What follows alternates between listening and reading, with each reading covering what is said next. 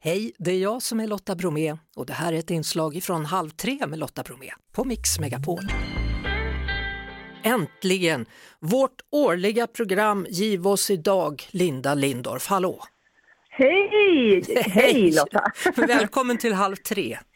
Ja, vad trevligt att prata med dig igen. Ja, du, ikväll mm. smäller det till. Ikväll. Ja. ja, som jag har längtat efter det här jag sitter ju inne med historierna och jag vet ju vad som händer så att det är verkligen så skönt när man äntligen får dra igång, tycker jag. Egentligen är det onödigt att ställa den här frågan för jag tror jag vet svaret men jag ställer den ändå. Blir det någon kärlek?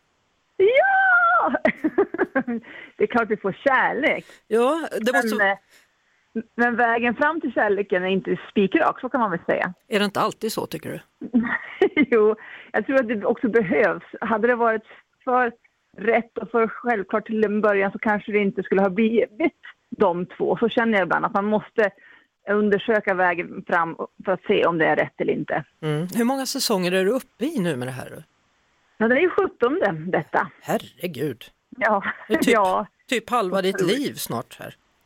Ja men det är lite så. Jag brukar säga det också att det känns som att Bonde söker fru är en del av mitt liv. Jag har ju varit med ända från starten och eh, hunnit gifta mig och få tre barn och flytta till hus och alla de här bitarna. Och det känns som att varje säsong har en del av mitt liv också. 2009, ja just det, det var då jag var ute på Ljusterö med Roger och då kom eh, eh Minna till, till världen och så, du vet.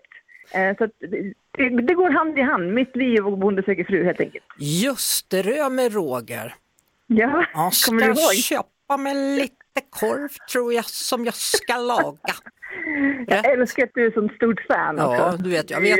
Jag vet, jag vet. Uh, ja. Vad är det för typ av, av, folk den här gången då? Ja, nej men vi har ju lite nyheter i år. Det tycker jag känns roligt. Säsong 17. Vi har ju en renskötare med för första gången och han heter Jon Krista uppe i Tavelsjö.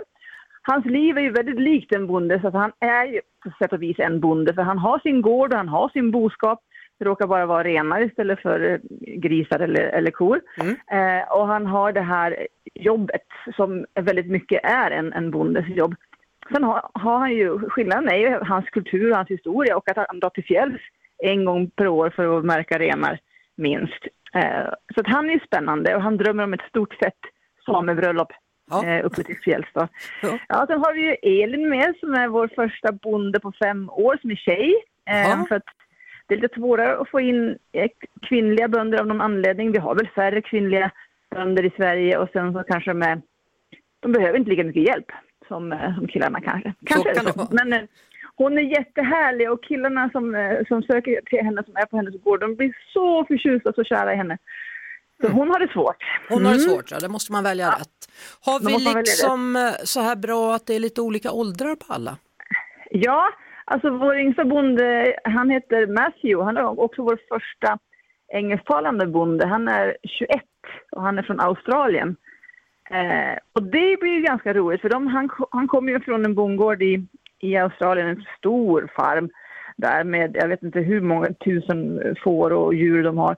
Eh, men här då ska han hitta en kärlek i Sverige. Så, och, eh, det är kanske inte lika lätt som man kan tro, även om man är bra på engelska, att att flörta på engelska och, och ragga på engelska men, och liksom, om man då är svensk så att säga. Men vad är, eh. vad är tanken med honom? Ska han ta med henne till Australien eller ska han vara här eller vad? Ja, ja alltså han, han jobbar på en, en svensk bondgård här och ska göra det i ett år. Mm. Eh, och den familjen är som en familj för honom. Så de hoppas ju på att han ska bli så kär att han stannar kvar för resten av livet. Ja, herregud. det var ju Men... jag. Men hans föräldrar i Australien, de hoppas på att han ska hitta kärleken och ta med henne dit. Mm. Så vi får väl se. Vi får mm. se. Du, ikväll då, är det speed dating?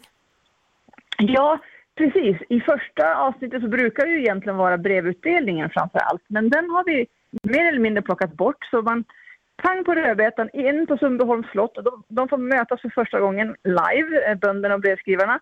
Och sen så är det speed date.